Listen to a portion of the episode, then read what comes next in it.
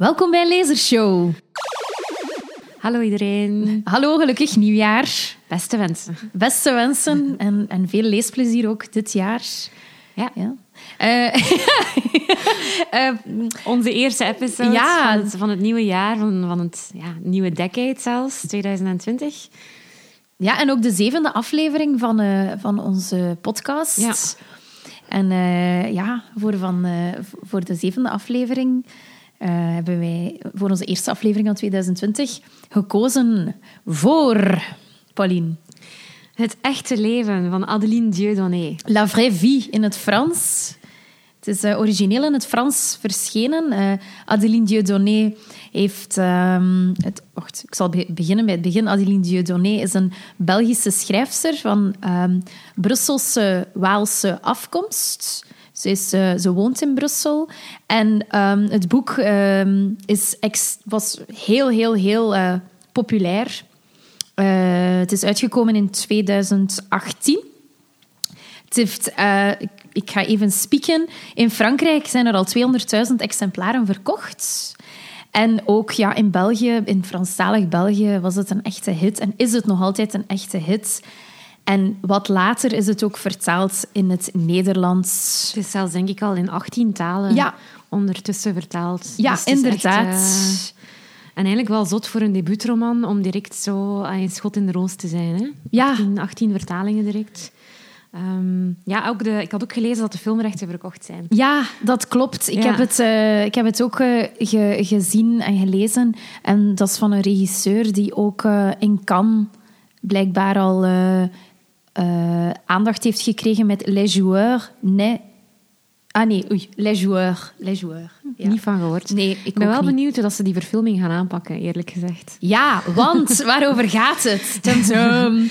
Over het echte leven. Ja, het echte, maar echt wel het echte leven. Hè. Pauline, kom, geef toe.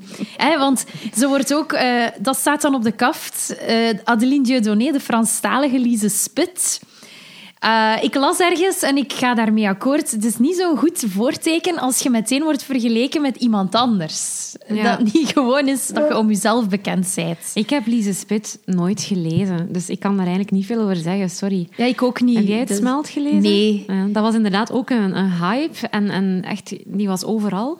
Maar ja, Ja. ik heb er nooit echt ja, aan begonnen. Ik wil- ook niet. Ik wil het ooit nog wel een keer doen, hè, daar niet van. Maar Ja, het is, het is ook wel... eh, Ik, ik heb het smelt ook niet gelezen, maar ik weet wel dat het ehm, een heel stuk langer is dan de 200 en, s- eh, 206 pagina's van eh, het echte leven. Dus, maar de thematiek is gelijklopend. Eh, wie het smelt heeft gelezen of er al heeft over gehoord, weet dat het gaat... eh, dat het smelt alleszins gaat over een meisje dat opgroeit in... eh, ja, moeilijke omstandigheden en, en in de puberteit in contact komt met de... Ja, ja, moeilijk... Ja, probleem. Ik kan er niks over zeggen, want ik heb het zelf ook niet ja, gelezen. moeten we er gewoon niet over praten, Ja. want we hebben het twee niet Nee, gelezen. voilà, dus we kunnen eigenlijk niet vergelijken. Maar het is, wel, die... Ja, het is wel frappant dat die vergelijking echt in elk artikel dat je leest Ja. over dit boek, of over Adeline Dieudonné, trouwens, schitterende naam, hè? Dieudonné. ja, ja. Ehm, die vergelijking duikt echt overal op. Zelfs als je de, de Goodreads-reviews gaat gaan lezen, dan maken echt heel veel mensen constant die link. Ja, ja, het is Eh. omdat het ook over een tiener gaat die een, een, eh, een broertje wil beschermen.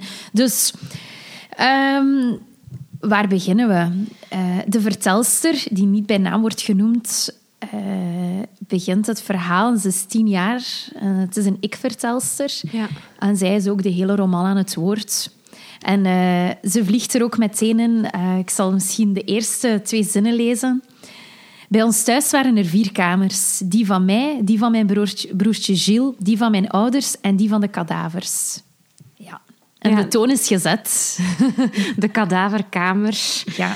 Ze groeit eigenlijk op in een soort van omgeving die, ja, die heel hard ehm, aanvoelt. Zo echt zo de survival of the fittest, de struggle eh, van, van het leven. Ehm, Het is, het is eigenlijk echt zo een beetje... Allee, een heel dreigende omgeving, had ik het gevoel. Je hebt die kadaverkamer. Ehm, achter de tuin hebben ze het Galgjesbos. Ja. En, en dan hebben ze nog dat, dat autokerkhof waar ze dan ook gaan spelen. Het is, het is zo heel, een heel dreigende omgeving die die twee kinderen zo wat omringt ehm, als ze opgroeien. Ja, en zo ik. in een, in een triestige wijk met allemaal dezelfde huizen. En op de achterkant staat er dan een Vinex-wijk. Ik wist zelf niet wat dat precies was, maar het is- wordt wel al vrij duidelijk dat dat dan zo prefabhuizen zijn, allemaal dezelfde kleur. En ja, ze maken ook eigenlijk niet echt vrienden met eh, de andere bewoners daar. En ehm, de vertelster ja, groeit dus op met een gewelddadige vader die ook de eigenaar is van de kadaverkamer, waarin hij al zijn eh, trofeeën die hij heeft geschoten over gans de wereld verzamelt en laat opzetten. Eh, en een moeder die wordt vergeleken met een amoebe, Eh, die, waarvan de vertelster zich afvraagt of ze überhaupt leefde voor zij met de vader was getrouwd en die ja, er ook niet zo positief uitkomt. in, eh, Ja, dat was de zo, vertelster. die, ehm, die stijl waarin dat ze zo praat over haar mama en over die familie. Dan, dan, soms was ik zo aan het lachen, maar eigenlijk is het niet grappig. Hè? Ja, Wat vond, vond jij dat ook zo? Dat, dat ze dan, de stijl waarin dat ze zo dat vertelt en die familiesituatie. Soms moet je eigenlijk zo wel lachen. ja, ja. Terwijl, ja, is, dan denk je zo, is dat nu eigenlijk grappig of niet? Nee, Allee. het is een beetje... Ja, ze zegt dan van... ehm, mijn moeder van haar kant was bang voor mijn vader. En ik denk dat dat, afgezien van haar obsessie met tuinieren en dwerggeiten, zo ongeveer het enige is wat ik over haar kan melden. Ze was een magere vrouw met lang slap haar. Ik weet niet of ze al bestond voor ze hem ontmoette. Ik vermoed van wel. Waarschijnlijk zag ze er toen uit als een primitieve, eencellige, half doorschijnende levensvorm. Een amoebe, een ectoplasma, een endoplasma, een kern en een voedselvacuole. En door al die jaren met mijn vader was dat bijna niets gaandeweg volgelopen met angst. Ja. Dus inderdaad, eerst lees je die, die twee zinnen, haha, amoebe, haha, ha, en dan zo, ah, met angst. Ja, n- Ja. Niet zo grappig. Want ja. het is tegelijkertijd ook, ehm, toen ik het las, eh, ook in dat hoofdstuk, had ik ook iets aangeduid ehm, over die moederfiguur, die wel, allee, naar het einde toe verandert dat wel een beetje. De belangrijkste functie van mijn moeder was eten maken. Want eh, wat ze deed, zoals een amoebe dat doet. Zonder creativiteit, zonder smaak en met veel mayonaise. Croque monsieurs, perziken met tonijn, gevulde eieren en gepaneerde vis met aardappelpuree. Dat was het zo ongeveer. Ja. En dat is het einde van het eerste hoofdstuk, denk ik. Ja, Dus dat is- Ja. Ik vond dat heel grappig, die beschrijving. Maar eigenlijk is het, ook- ja, zoals ik al zei, het is, het is zo een beetje dubbel ja eigenlijk. ik denk dat dat ook is, dat dat haar bedoeling is. En naarmate dat het boek ook vordert, eh, was ik nog dankbaar voor die lichtpunten van ironie en humor die erin zaten. Want ja, dus het verhaal begint als, als vertelster. Ik zal misschien gewoon Adeline zeggen, ook al is dat de, po- ja, de poeta persona. Ja. Ja. Nee, Zouden we de dat vertelster... Nee, we gaan dat niet doen. De vertelster hè, is tien jaar en ehm, haar broertje is ehm, zes. Gilles heet hij. Eh, en ze hebben dus, ja, zoals we al eerder zeiden, een eh, vreemde moeder en vader. En, maar de band met haar broertje is heel goed en die zoekt ook veel bescherming bij haar. Eh, en op een dag gebeurt er eh, iets traumati- traumatisch voor hem. Ehm, Ja. ja, ik zag dat helemaal niet aankomen. Hè. ah, ik ook niet. Ik was maar zo in- aan het lezen. Allee, we gaan niet vertellen wat. Nee, maar was- in alle recensies ineens- wordt dat gewoon gezegd ook, wat Ah, dat ja, er gebeurt. Ah, ja, oké. Oké, maar nu twijfel ik of dat wij het gaan zeggen. Alles sinds er gebeurt, zeggen, ja. ja. Moet ik het zeggen? Nee, ik zou gewoon zeggen iets traumatisch. Iets traumatisch. Iets Daarvoor traumatisch. moet je het boek lezen. Voilà, lieve kindertjes. En eh, ja, dus dat, dat verandert voor hem het leven. Dus een voor en een na. En Het verandert eigenlijk vooral ook haar broertje. Die, Ja. die, wordt, die kan daar heel moeilijk mee omgaan met wat er gebeurd is. En die gaat eigenlijk van zo'n schattig jongetje dat s'nachts bij haar nog even zo bij haar in bed kruipt om in slaap te vallen, wordt dat eigenlijk een heel egocentrische jongen. En ook, ja, ik durf het bijna niet zeggen, want onze, onze mascotte Zino zit hier, maar hij wordt eigenlijk een kattenmartelaar. Hè? ja, Hij pakt zo de katten van de buurt en hij, ja... Het is, Ah, Wel, dat is ook... de, ik weet niet zeker, want zij is misschien ook wel een onbetrouwbare verteller. Ah, zo. en dat, dat, dan haar, dat zij dat denkt, dat de katten van de buurt verdwijnen. Ja. Maar ze heeft nooit echt bewijs... Ah, jawel, ze heeft één bewijs gevonden. Ja, ja, ja nee, Dus inderdaad, het, zou, het Hij, kan... hij ja. heeft zo wat morbide ehm trekjes. fascinatie. Ja. Hij doet ook zo de... Met wat is pijn. de cavia of wat was het, chinchilla, dat hij dan pijn doet. En, dus hij, hij is compleet... Dat kind is helemaal... ehm, zoals dat wij zouden zeggen, vermassacreerd door, door ehm, dat die traumatische gebeurtenis. Ja. En dus de vertelster, haar enige doel in haar leven is nog om haar broertje beter te En maken. terug op het goede pad te brengen. Ja, en gelukkiger te maken. Want ze wil eigenlijk echt niet dat haar broer wordt zoals haar papa. Hè. Daar is ze heel bang voor, want ze ziet zo'n beetje die band tussen die papa en die broer wordt dan ineens, die was er vroeger niet, maar die wordt dan ineens heel sterk en die, die vinden elkaar zo in de wapens en de opgezette dieren, want sinds dan gaat dat broertje ook, en dat vond ik echt wel scary, gaat hij altijd zo in die kadaverkamer gaan zitten. Ja. En dan komt ze daar zo een keer binnen en dan zit dat broertje echt zo naast die hyena, denk ik. Zo, eh, er is daar ook een opgezette hyena Ja. in, die, eh, in die kadaverkamer. Dus het is wel... Allee, dus die broer is helemaal veranderd en eh, effectief, zij wil die eigenlijk terugkrijgen zoals dat hij vroeger was. En gaat daar ook heel ver in, in haar fantasiewereld ook een beetje... ja. Om dat eh, Ja, ze probeert dan van alles. eh, om, eerst is ze tien jaar, dus, dus ze heeft nog maar weinig notie van wat dat werkelijkheid is en wat dat niet, wel of niet kan. En ehm, ze, ze heeft de film gezien van Back to the Future en ze wil graag een machine bouwen of een auto bouwen, zoals in de film, waarmee dat ze terug kunnen gaan in de tijd eh, om eh, haar broertje terug te brengen naar het moment van voor de traumatische Ja, gebeurtenis. en ervoor zorgen dat dat nooit gebeurd was, hè. Ja, die gebeurtenis. Voilà, ja. voilà. ja. eh, en naarmate dat zij dan ouder wordt, ja, wordt, wordt het voor haar wel duidelijk dat dat eh, een illusie is. Maar dan begint ze zich ook te verdiepen in de fysica. Ja, de quantum en wat is het allemaal. Ja. en ze heeft ook een grote fascinatie met eh, Marie Curie. Ja. Ja, en ja, dan... Ja. Ja, ze, ze wordt ook, ook echt een tiener dan. En de hormonen komen ook al wel los. Er is daar zo in de straat of in, in die wijk is er dan ook een... eh, is het een LO-leerkracht, ik denk het? Of ja, taekwondo-leraar. Ja, eh, en, ja, en, leraar. eh, ze is er zo'n beetje verliefd op, maar ze gaat dan ook gaan babysitten op die kindjes. Dus allee, ze wordt dan eigenlijk wat ouder en wat minder naïef. Maar ja, ze probeert zich eigenlijk zo wat, denk ik... Of ik zag het toch zo, dat ze zo probeert zich wat los te maken van haar milieu. Dat dat ook heel moeilijk gaat. Ehm, want die papa en die broer, die zijn echt... Ja, dat zijn tirannen, hè. Ehm, Ja. Dat die zich gedragen. En, en er is echt zo één scène... Ik zal het maar een jachtscène noemen, dat echt hallucinant is Ja. eigenlijk.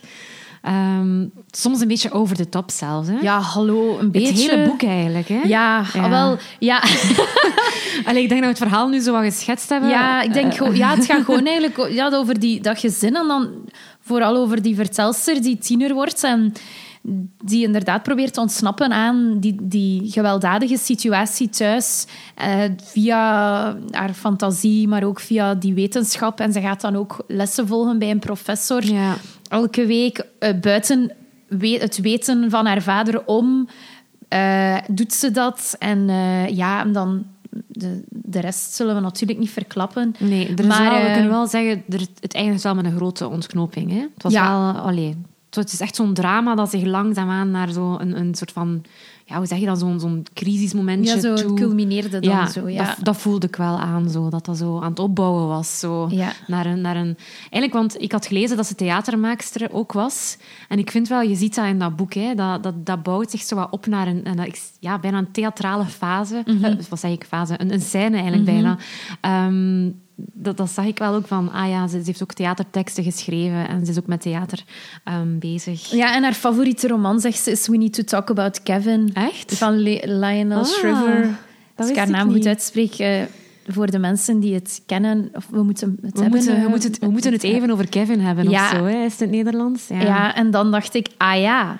Ehm, want de roman van We Need to Talk About Kevin, met ook een zeer goede verfilming van, ehm, die gaat ook over een, een vrouw die schrijft over ehm, haar zoon, die blijkt een psychopaat te zijn. Ja, en, ze heeft er en- geen controle meer over. en ze heeft daar geen controle over. En dat, dat zie ik wel een beetje... Ja, Gilles is dan een beetje de Kevin van ja, het verhaal. dat is hem wel, ja. Ah ja, oké, dat wist ik niet. Ik vond ook, ehm, ik had in een interview gelezen, eh, dat was in Brus, dat ze eigenlijk zei, het is een quote van het interview, ehm, ondertussen is het wel duidelijk dat ik relaties tussen mensen makkelijk zie in termen van roofdieren en prooien. Dat de grote de kleintjes opeten die niet voldoende worden beschermd, is mijn perceptie van het ultraliberalisme. Allee, ik denk in die roman zit wel een zeker wereldbeeld vervat. En het is inderdaad, men, ze ziet echt zo die, die wereld in, in twee categorieën. Je hebt de jagers en je hebt de gejaagden. En het is, het, allee, het is een heel, zwart wereldbeeld. Ja, hè? en het is ook ja, inderdaad heel zwart-wit zo. Alle personages... Allee, dat is wat ik dacht, maar ik heb het ook wel dan terug zien komen als ik er meer over las van dat dat precies eh, vehicles zijn voor haar ideeën. De personages zijn inderdaad... Ik vond ze wat plat. Zelfs het hoofdpersonage, het is echt heel zo... eh, one- eh, eendimensioneel. Ja, nou? eendimensionaal, ja. En ik, ja, ik had zoiets van... hmm, die, allee, dat hoofdpersonage moet eigenlijk het hele boek zo wat dragen. En ik las wel, ik wou, ik wou wel verder lezen, maar ik voelde ook niet veel sympathie voor haar. Of ik kon me niet met haar ehm, identificeren, omdat ze zo, ja, zo'n flat character was. Ja, het gaat vooral over haar daden. En dan vind ik ook dat ze eigenlijk het pad om haar broer te verlossen op een gegeven moment gewoon verlaat. Omdat dat gewoon bijna niet meer gaat. Hè? Ja, Die broer maar- is zo ver weg. Ja, het is dat, maar, ik vond het... Ja, dat, het stoorde mij een beetje van... Hè, ik had hierop geschreven, alle mannen en vrouwen stellen een bepaalde karaktertrek voor en worden erdoor bepaald. De vader is agressie, de broer is pijn, de professor is de ratio, de kampioen is seks. En dat is donker. Daartegenover staat licht. De moeder is buigzaam en is transparant, doorzichtig. Ze is een amoebe, je kunt door haar kijken. Monica, dat is een vrouw die aan de rand van het bos woont en waar dat zij ook langs gaat, is dan het licht, is de positiviteit. En de veer is de rust. En de veer is dan, de, dat is een andere vrouw, is dan De vrouw, van, de, kampioen. Ja. De sportleraar, dat ik En, daarnet zei. ja, van de sportleraar. En dan dacht ik zo, ja... En alles wat die doen, is daar eigenlijk... Ja. Staat eigenlijk in functie van, van dat bepaalde, die bepaalde karaktertrek. En ik kon daar heel moeilijk van, mij van ontdoen. Ja. Van dat idee. En ook, ja, zoals dat je zegt, van de jagers en de prooien. Ja, het donkere hè, is, dan, is dan inderdaad die mannelijke figuren. En het licht, dan heb je de prooien zijn de vrouwen en de mannen zijn de jagers. En die metafoor van de jacht, Ja. die blijft maar, Maar gaan. ook de, de metafoor van zo het fysieke, het bloed. De, dan dat, dat geitje dat geboren wordt, maar het slijm. Dat uit Ja. die- oh, ik had iets van, ik werd zo half misselijk toen ik aan het lezen Ja, was. ik ook. Echt, ik heb zo- u nog een bericht gestuurd dat ik dacht van... Is dat is hier één en al miserie, dat boek? Ja. Dacht echt van... Ah ja, en dan... dan ja, wat was het nu weer? Er is dan iemand die, die de vertelster lastig valt en dan gaat ze er iemand bijhalen en dan verdedigt hij haar en dan moet hij ook zo die een andere compleet tot moes slaan. Ja. Dat kan niet gewoon een keer op een andere manier worden opgelost. Al die mensen die in die wijk wonen, Eline, dat zijn gewoon, die hebben allemaal gewoon agressieproblemen. Ja, dat zijn monsters. ja.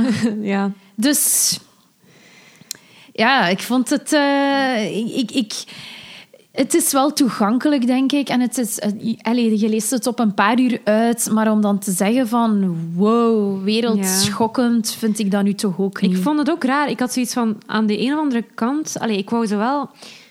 Ik genoot eigenlijk niet echt van dat boek. Ik heb er niet echt van genoten. Maar ik wou wel zo precies verder lezen. Ik wou zo gelijk wel weten, waar gaat dat hier nu naartoe? Of wat, wat gaat er hier nu eigenlijk nog gebeuren met die personages? Dus dat is zo'n rare combinatie van... Dit raakt mij niet.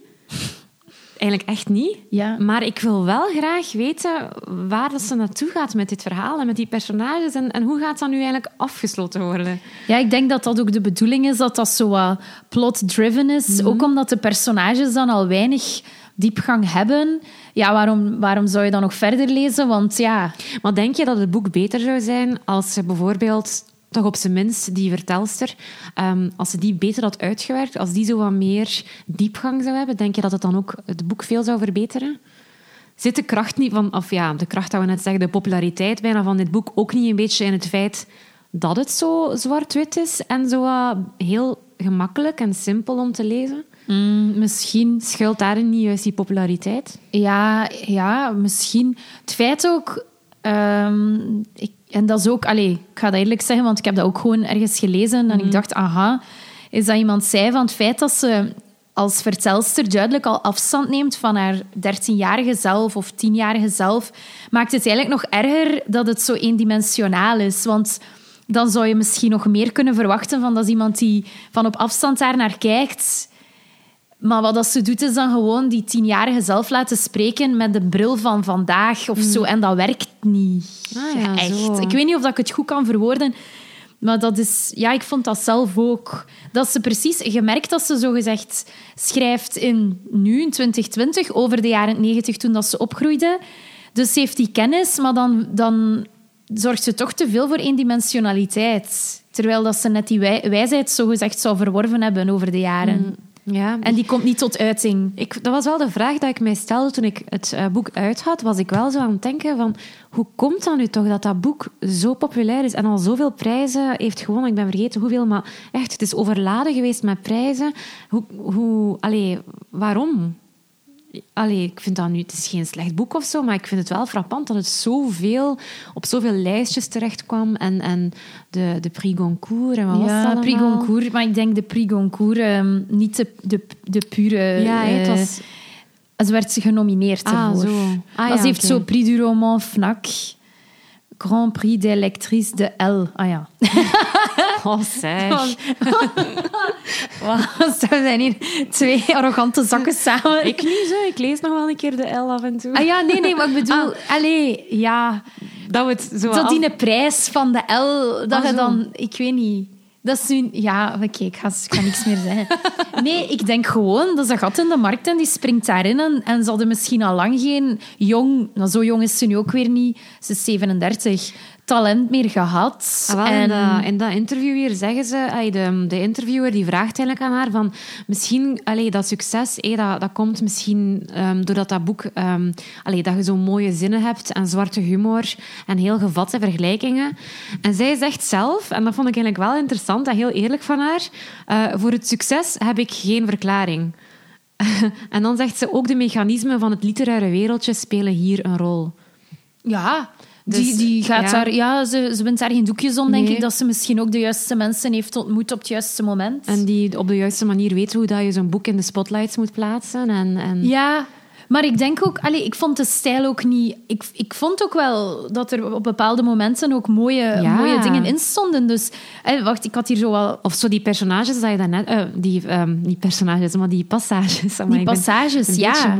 Die passages dat je net hebt gelezen, ook van in het begin, die ook wel grappig zijn, zijn ook wel heel mooi, vind ik. Van Ja. die ameuben. En het is heel spitsvondig, de woordenschat die ze Ja. gebruikt. En ik vond ook de vertaling is volgens mij heel goed gedaan. Ja, ja, dat leest absoluut. heel vlot en, en spitsvondig, echt. Vond ik. Ja, ja ze, ze praat dan over haar vader. eh, ehm, ze zegt dan zo van... eh, ik was bang omdat het wilde dier nooit ver uit de buurt was.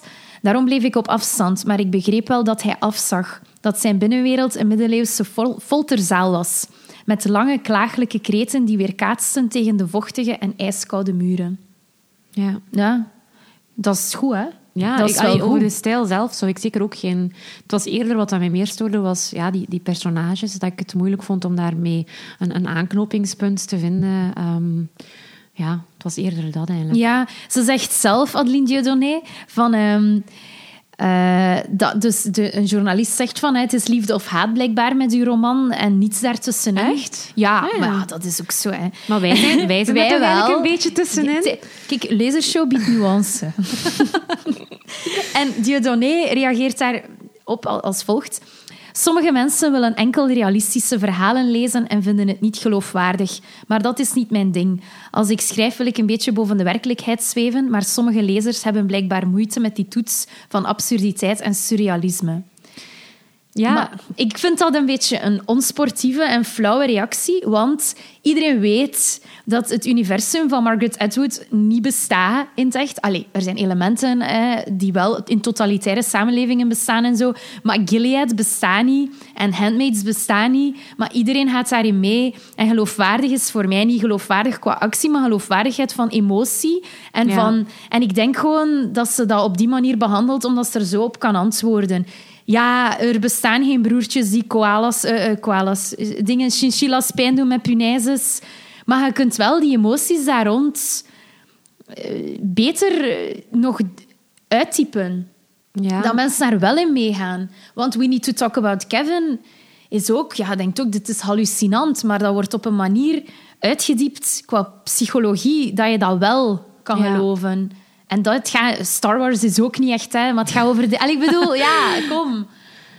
Ik zie, ik zie jouw punt, maar ik zie ook wat dat zij bedoelt een beetje. Ik denk dat zij bedoelt dat als je dat boek leest, daar zitten zoveel echt realistische, bijna zo van die naturalistische, van je wordt gedetermineerd door je milieu, zo'n trekken in. En dan denk je van, dat is zo'n boek. Maar dan komen er zo bijna ja, sprookjesachtige dingen soms bij kijken. Gelijk die, die vrouw die in het bos woont, Monica, is dan een- zo'n beetje de heks. En, en dan, dan, dat sommige mensen dan sowieso iets hebben van, zeg, wat is dat hier nu? Is dat hier nu vlees of vis? Of Ja. wat moet ik hier nu van denken? Is dat nu echt of is dat nu niet echt? En allee, ik denk dat dat voor sommige mensen misschien een Ah, ja. beetje verwarrend is als je zo verschillende elementen hebt, of verschillende genres eigenlijk, die zo wel samenkomen. Ehm het deed mij, en dat allee, wou ik even, ehm, als ik zo aan het denken was, van welke oldtimer past daar nu een beetje bij? Het deed mij een klein beetje, maar niet volledig, zo denken aan de verhaaltjes van ehm, Carter, Angela Carter.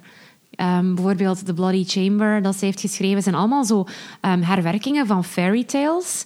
Maar dan zo met een heel donkere, wrange, ehm, absurde bijklanken dan zo bijgedaan. Dus ik denk van, ah, ik denk dat misschien Dieudonné wel ook Angela Carter gelezen heeft.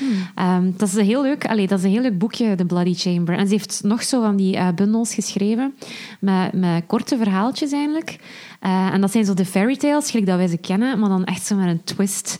En heel vaak ook zo een, een feministische bijklank natuurlijk. Hè. Ehm, dus dat deed mij daar een beetje aan denken, eigenlijk. Ook door die genres die zo wat door elkaar worden gemixt. En, en de sfeer ook, de algemene sfeer. Ja, Eh, ik had echt het gevoel dat die Monica, die daar zo woont in dat bos, en dat bos dat dan zo'n beetje een andere plaats is, meer zo de natuur en zo het licht, like dat je zegt. En, en zij is dan zo de heks die zo gezegd moet helpen met die teletijdsmachine te maken, die dan een spreuk gaat uitspreken. Dus dan zaten we zo meer in, in dat universum. Maar als ze dan teruggaat uit dat bos, naar die wijk en, en naar, naar haar huis met de kadaverkamer, dan wordt het weer zo... Ook wel een, een mooi woord, hè? Kadaverkamer. ja, ja. ja. Is, eh, Ehm, wordt het weer een heel ander universum. Ja, Dus- en ook... ehm, wacht, wat ik nu zijn? Ah ja, dus die Monica die, die is in haar, in haar leven enkel als ze nog in, echte kindertijd, in de echte kindertijd Ja. zit.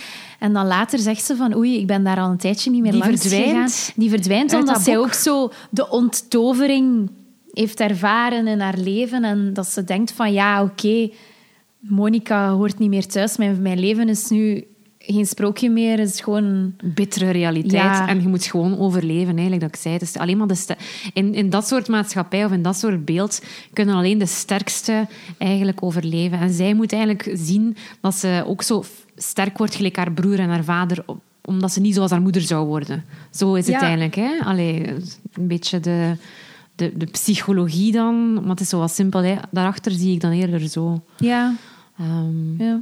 Hoeveel, hoeveel laserstralen zou jij dit, dit geven?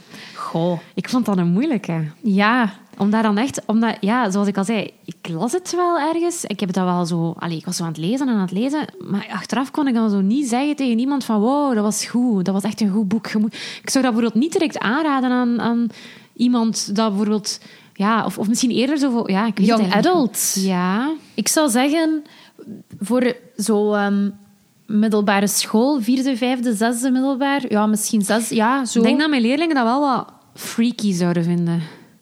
Zo die hele... Maar die houden daar toch van?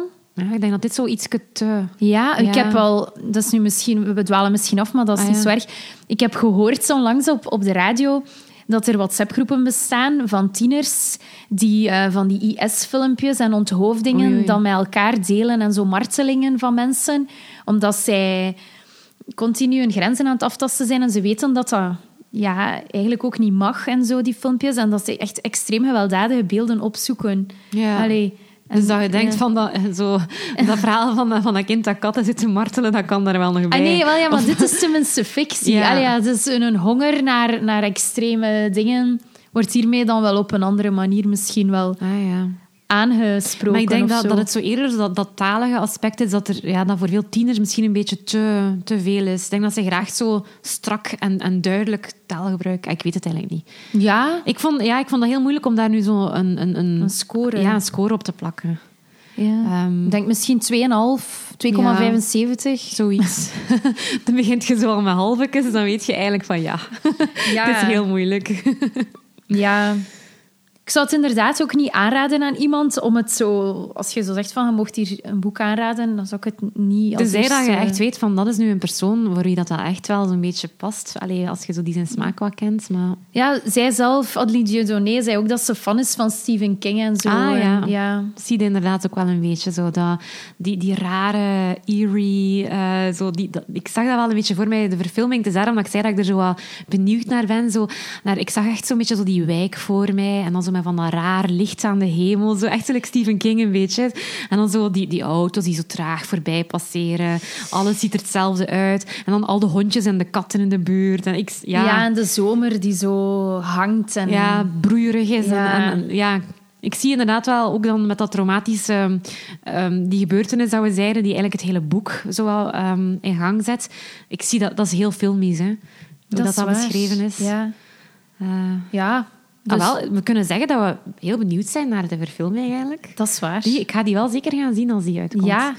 Ja, ik ook. Eh, dus door, wacht, wie goed. was het nu weer? Marie Monge. Ah ja. Staat er al een jaar op? Wanneer dat die gaat af zijn? Ehm, ze zegt, uh, Dieudonné, eh, het contract is getekend en het boek was nog maar net uit toen ik gecontacteerd werd door de scenarist en regisseur. En misschien wel nog een leuke fun fact is dat die regisseur zodanig eh, onder de indruk was van Dieudonné's boek, had ze naar Dieudonné een koffertje gestuurd met daarin haar voorstel en zelfs een concreet plan voor financiering. Het zat in een mapje met dierenprint, met daarbij nog allerlei spullen die verwijzen naar het verhaal. Een Walkman, een BH voor een jong meisje. Het was als een prachtige liefdesverklaring voor mijn boek, Amai, ze. dat is wel mooi. Hm? Voilà. Dus ja, het, kan, het is een boek dat dus zeker op sommige mensen wel heel veel indruk heeft gemaakt. Of toch een sterke indruk heeft achtergelaten zelfs. Dus ja, you should give it a try. Ja, voilà. ik weet niet, eh, ik, ik ben klaar. Ik eigenlijk ook. Ja. Oké, goed. Ja, dan, dan eh, laten we het woord nog aan de onbekende lezer en dan zien we elkaar later terug. Tot de volgende keer. Dag. Ik heb gekozen voor het boek Hashtag niet aan kind en gezin verklappen van Hanne Luiten. Hanne Luiten is een mama van drie kindjes en het is eigenlijk begonnen met haar eh, Instagram-account waar ze foto's postte over ja, allerhande situaties met haar eh, drie kindjes. En een van haar volgers bleek een uitgeverij te zijn die eigenlijk alles eh, van dichtbij volgde en haar toen heeft gecontacteerd met de vraag of ze alles wou bundelen in een boek. Ehm, ze is daar toen op ingegaan, dus met als resultaat het boek niet, hashtag niet aan kind en gezin verklappen, waarbij ze eigenlijk het heeft over allerhande grappige situaties die ze meemaakt met haar kinderen. Het zijn, zijn omschrijvingen van onder andere de dagelijkse ochtendrush. En ik herinner mij ook nog een, een grappige observatie van een uitstapje eh, naar een subtropisch zwembad, dat dan eigenlijk voor haar aanvoelde als de hel. Ehm, ze deelt mama's een beetje in in verschillende categorieën. Zo heeft ze het over de loedermoeders, over helikoptermoeders, over de mevrouwenmama's, die er altijd piekfijn uitzien en alles onder controle lijken te hebben. Ehm, het is helemaal geen zware roman. Het is eigenlijk een luchtig boek vol herkenbare situaties voor ja, jonge mama's of, of oudere mama's. En bovenal, het leest als een trein. Dus vandaar ehm, was dat mijn tip.